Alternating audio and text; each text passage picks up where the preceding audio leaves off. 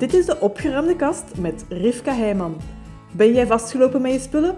Helemaal welkom, want als voormalig rommel komt, kan ik er namelijk van meespreken. Daarom dat ik deze podcast maakte als baken van hoop voor andere chaoten en als geruststelling dat er leven bestaat na de rommel. Leuk dat je luistert.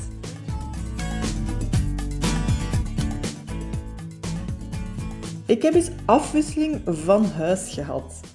In plaats van iemand mee te mogen helpen in haar eigen huis met haar eigen spullen, was het huis dat we nu deden het huis van haar oma. Ik mocht een vriendin gaan helpen bij het leegmaken van het huis van haar oma die twee jaar geleden is overleden.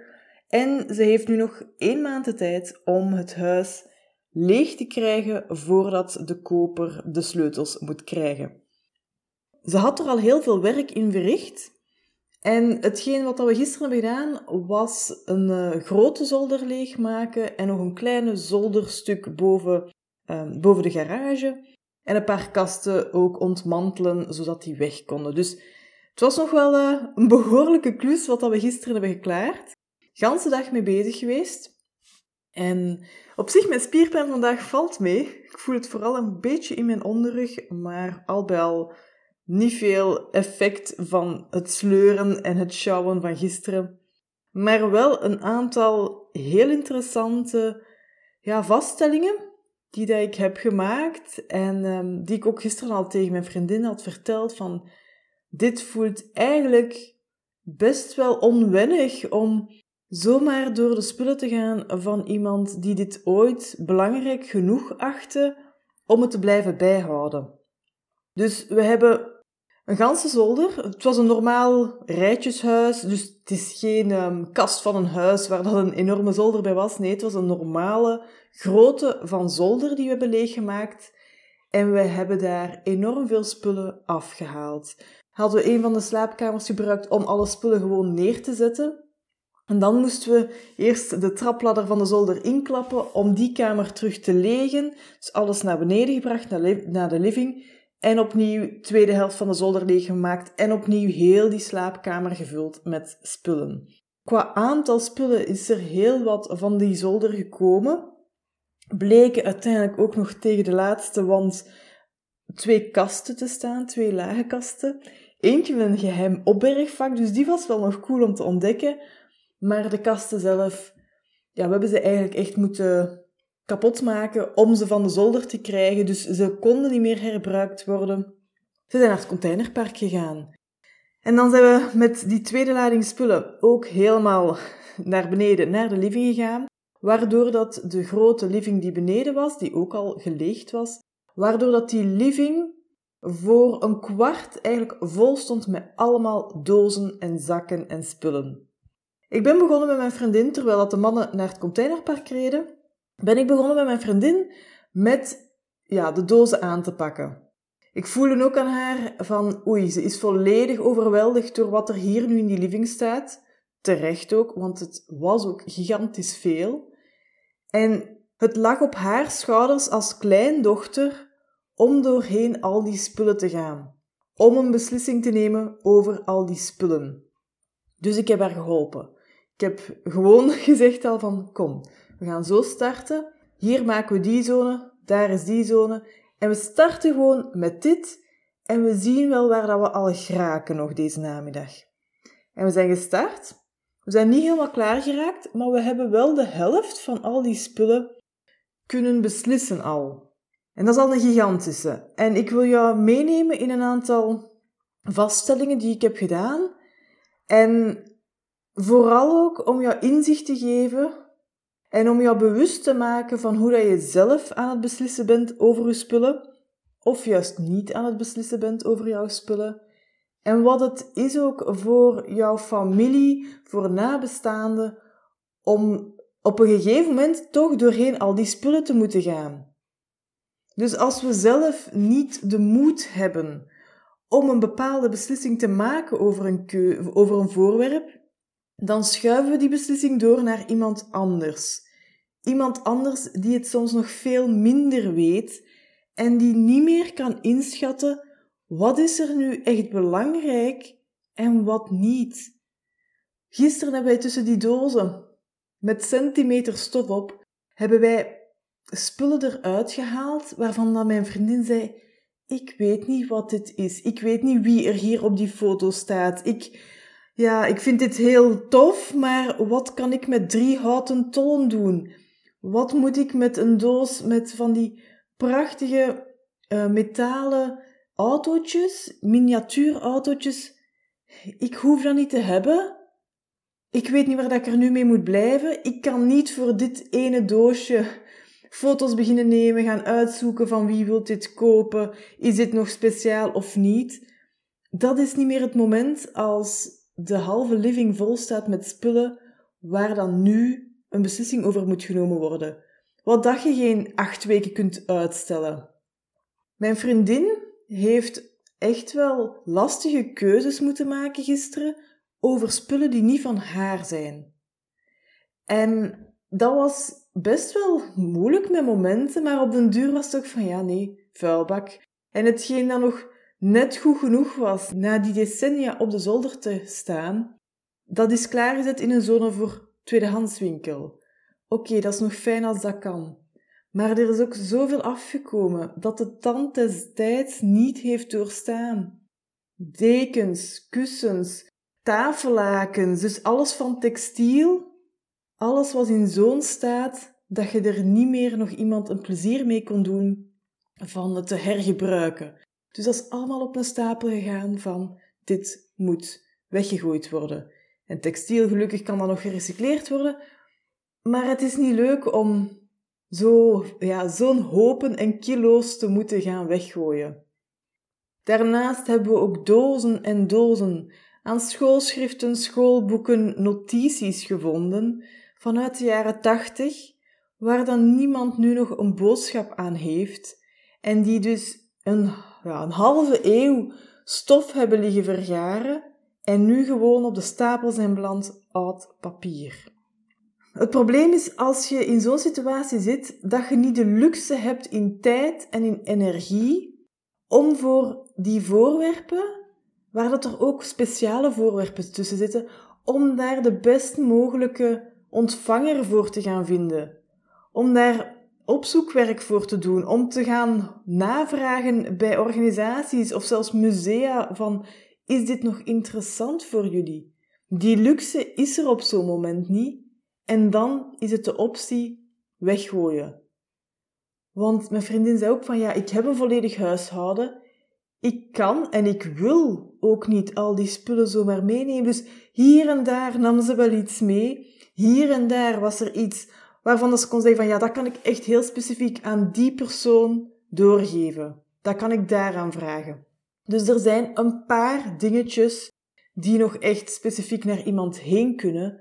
Maar ik denk 95% van al die dozen en zakken is op de best mogelijke manier nog recycleren, maar het is eigenlijk allemaal weggooien. Dus een klein gedeelte stond klaar voor kringloopwinkel. Oké, dat kan daar nog een volgend leven krijgen. Een heleboel dingen vielen gewoon ook uit elkaar. Ook elektronische dingen. Prachtige dingen ook. Um, Zo'n platenspeler in een valiesje dat je kon meenemen blijkbaar met een luidspreker aan. Maar het viel van elkaar open. De elektriciteitsdraden hingen eruit. Ja, dan zie ik ook van dat is kapot. De verzamelaar zou daar waarschijnlijk nog zijn hart aan kunnen ophalen, maar we hebben die luxe niet. En dus staat het klaar voor containerpark. En dat is lastig. Dat is niet leuk om te moeten doen. En het is ook niet fijn om ja, doorheen spullen te moeten gaan waarvan dat je gewoon niet weet, is het nu een fait divers van voorwerp? Is dit eigenlijk niet zo speciaal voor dus ja, degene van wie dat dit was, en is dit gewoon toevallig eigenlijk op zolder beland? Is dit zo'n uitgestelde keuze geweest van kom, ja, we zetten het even bij op zolder, wie weet komt het nog van pas? En het wordt vergeten. Want wat was er ook gebeurd? De ouders van mijn vriendin die woonden, toen dat zij klein was, heel klein op een appartement, hadden niet echt opbergruimte. Dus wat hadden ze gevraagd? Mama, hè, dus oma, Mag ik het hier op de zolder zetten bij jou? Oma zei, tuurlijk, ik heb plaats genoeg, hup, bij op de zolder. En zowel de mama van mijn vriendin, want die was er ook bij, als mijn vriendin hadden geen flauw benul meer van een aantal van de spullen die vanuit de kindertijd van mijn vriendin daar waren beland.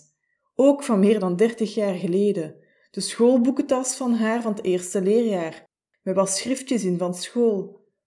Hetzelfde als leuk om nu van die zolder te halen, maar niemand had nog enig idee dat die boekentas nog bestond. En ja, buiten dat dit leuk is om nu eraf te halen, nog eens te zien en wauw, en zie, ja, ik herken het. Ja, is het die boekentas ook ten einde opgeschreven. Dus zowel ja, een stuk de valkuil van vragen aan mensen die meer plaats hebben dan jij. Dat lijkt misschien op korte termijn een handige oplossing, maar het is ook echt wel een valkuil.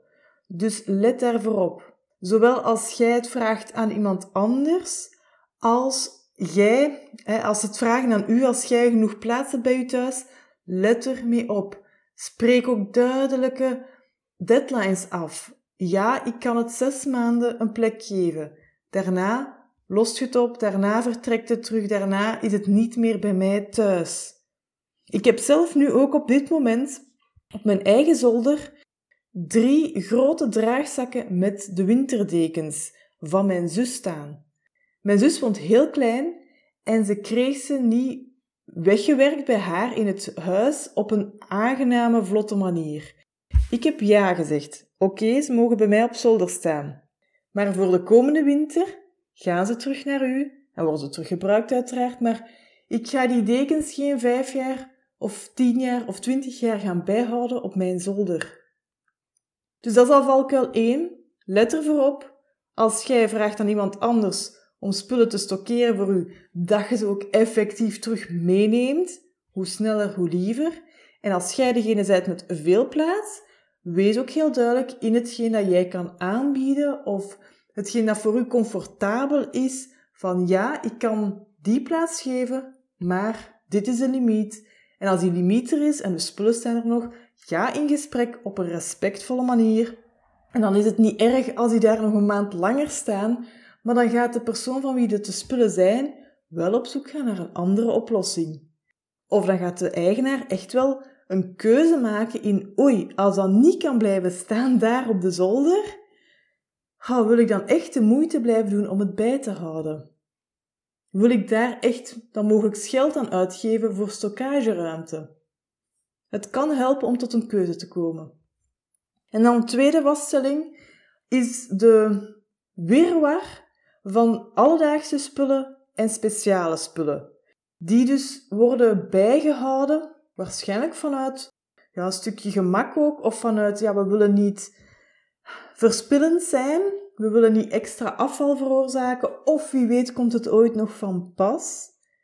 En dan stel ik vast dat al die spullen nu zijn vastgepakt geweest en dat 95% beoordeeld wordt als dit moeten we weggooien. En dat er geen kans meer is om die speciale spullen die er ook tussen zitten, die verliezen hun speciaalheid door de overvloed van de banale spullen die er liggen, door de grootsheid van alle spullen waar dat een beslissing over moet genomen worden. En dat zijn dan onnozele spullen ook, zoals zakken en zakken met kapstokken, zakken met tijdschriften van Filder om te naaien en te breien. Dat zijn dan ja, banale beslissingen en zo'n beslissing is dan snel genomen, maar het zijn allemaal extra dingen die dus ook weer moeten ja, uit het huis geraken. Terwijl als je voor jezelf al meer de moed kunt vinden om over je eigen spullen een beslissing te nemen, om te erkennen van ja, dit is speciaal, dit is mooi, dit is uniek mogelijk zelfs als je hij spreekt over een, twee, drie generaties terug al. Zorg dan dat je nu een mooie plek vindt voor die spullen. Vraag het nu aan uw familie. Kunt jij dit gebruiken? Wilt jij dit in huis hebben? Zorg dat het eigenlijk zo makkelijk mogelijk wordt om op het moment dat je er niet meer zijt, dat ze de speciale spullen die ook er van u zijn, dat die misschien wel een plek kunnen krijgen bij je familie, bij je kinderen, kleinkinderen. dat je daarmee wel wordt herdacht en niet dat het eigenlijk mee de deur uitgaat, gewoon omdat ze veel te veel door te nemen hebben, dat er misschien een tijdsdruk is, dat er ook ja, het gewone leven verder gaat met werk, met kinderen, met bezigheden en dat het erbij genomen moet worden. Dus dit is een pleidooi voor uw nageslacht, voor de mensen die u thuis gaan doornemen, voorwerp per voorwerp, op het moment dat je er niet meer bent. En dit helpt voor mij ook, want ja, ik ben nog jong. En het is niet dat ik meteen nu ja, er tegen zit aan te hikken dat mijn eigen levensdeadline eraan zit te komen. Je weet het nooit natuurlijk. Maar louter gezien naar de leeftijd die ik heb, ga ik ervan uit dat ik in normale omstandigheden nog wel een heel aantal jaar te gaan heb. En toch helpt mij dit ook, het uitruimen van het huis van de oma van mijn vriendin. Dit helpt mij om mij des te bewuster te zijn van het effect van hoe ik nu al leef. Ook al leef ik misschien nog 40 jaar. Het, het heeft echt wel effect dat als ik nu mijn speciale spullen al kan, ja, ofwel een andere plek bezorgen, ofwel juist kan zorgen dat dit echt wel duidelijk is dat dit speciaal is, dan is de kans zoveel groter op het moment dat ik er niet meer ben, dat er ja, nog iets leuks mee kan gebeuren. En dit helpt mij ook om minder zo met dat, um, met dat, zo dat lastig gevoel van, oh, zou ik dit nu wegdoen of nog bijhouden? Wie weet komt het over een paar jaar van pas, maar wie weet ook niet. En de kans is groter van niet dan van wel. En dus liever nu spullen, meubelstukken weggeven al, dat het op dit moment, nu dat het nog niet te albollig is, of nog niet uit elkaar valt, of nog niet verroest is, dat het wel nog gebruikt kan worden. Zo hebben we gisteren twee kinderbedjes van de zolder gehaald. Het eentje zei mijn vriendin niks. Dat zal waarschijnlijk van haar ouders geweest zijn, van haar papa. En het andere bedje had zij nog als baby, peuter, ingeslapen. Dat, dat herkende ze wel. En ondanks van, oh kijk dat bedje, oma had gezegd dat ze het had weggedaan, maar het staat hier toch nog. De twee bedjes zijn ook naar het containerpark gegaan. Het was te verroest, het was te vuil. Wij gingen het niet meer ja, mooi genoeg terugmaken dat het aantrekkelijk was om opnieuw een baby in te leggen. Terwijl dit 30 jaar geleden was weggegeven, had dit wel echt nog wel kindjes kunnen een leuke plek geven, een plek om te rusten en te slapen. Dus, pleidooi in deze podcastaflevering. Wees u bewust van de ballast die dat je doorgeeft aan de mensen die het bij je thuis moeten leegmaken op het moment dat jij er niet meer bent. En neem uw verantwoordelijkheid op over uw eigen spullen.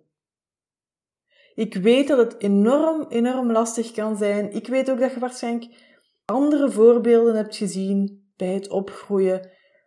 In je leven dingen hebt meegemaakt van schaarste of heel weinig hebben, moeite moeten doen om rond te komen. Maar als je nu niet meer in die fase zit, als er voldoende is, als er goed voor u voorzien is, als je niet meer in die kindertijd zit waarin dat elke cent telde, Laat dan spullen gaan. Doe jezelf dat plezier dat er, dat er minder is bij je thuis en dat er ook minder is bij je thuis dat andere mensen gaan moeten opruimen. Ga nu op zoek naar de plekken waar dat je die speciale spullen ook kunt geven.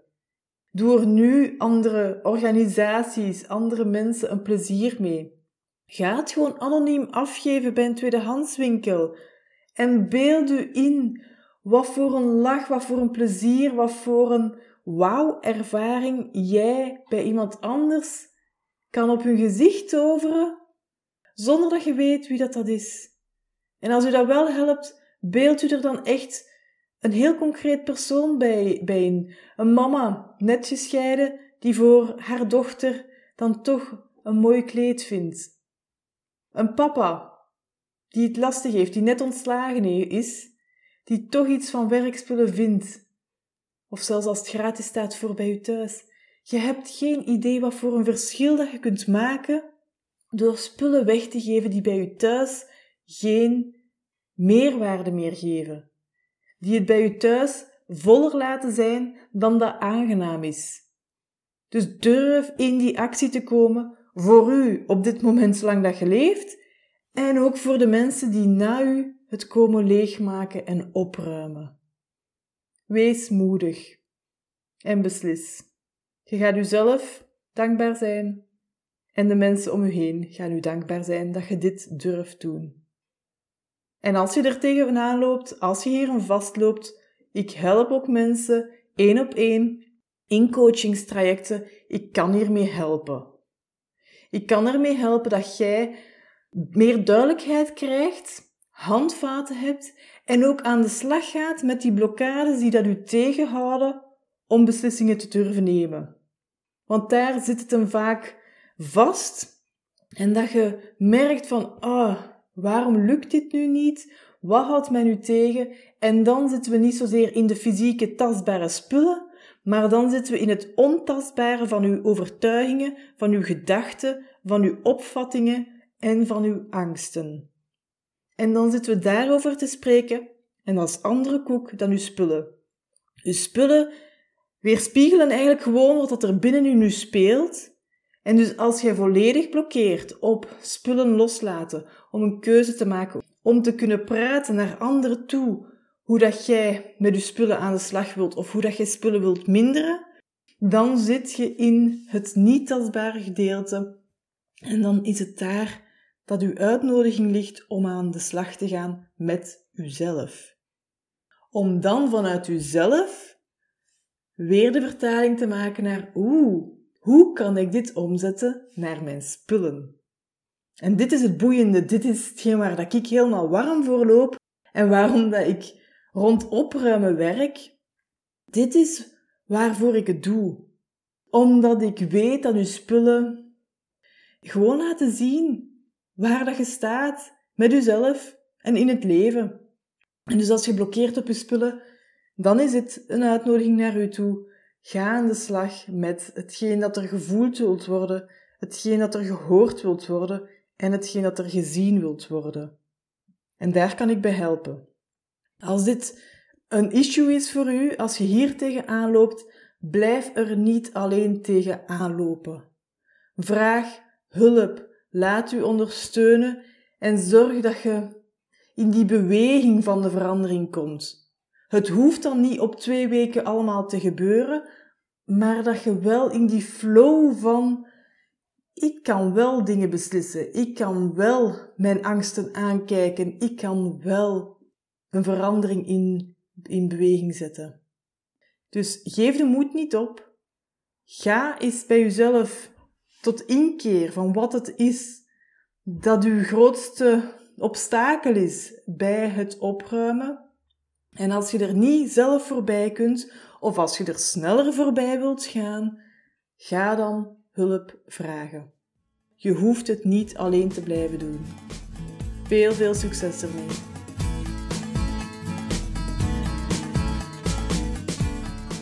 Ziezo, dat was het voor deze aflevering van de opgeruimde kast.